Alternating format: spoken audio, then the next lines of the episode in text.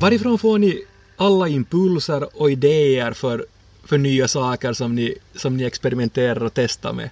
Man kanske får han från konsumenten, alltså kunderna, som frågar efter att hur ska jag vara om ni skod eller någonting liknande.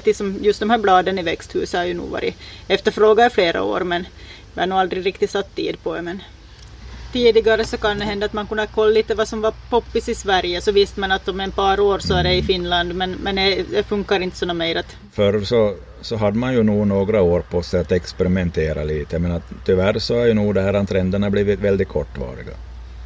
Är, är, är någon som skriver någonting på Facebook och så, så då ska alla, alla omedelbart bums ha och, och inte, inte finns det beredskap till att ta fram den produkten så snabbt inte. Och, och sen när man får fram så då, då det här trenden gått förbi så då, då ska det vara något annat istället. Så att, eh, bäst är det om man kan skapa den här trenden själv. Att det, man, man måste nog vara ganska fram, framåt den och, och försöka vi, vi, trots att det tar en hel del tid, men vi försöker nog faktiskt vara aktiva på de sociala medierna. På, nu, nu försöker vi ju lite styra styr utvecklingen, men hur det nu lyckas vet man ju inte.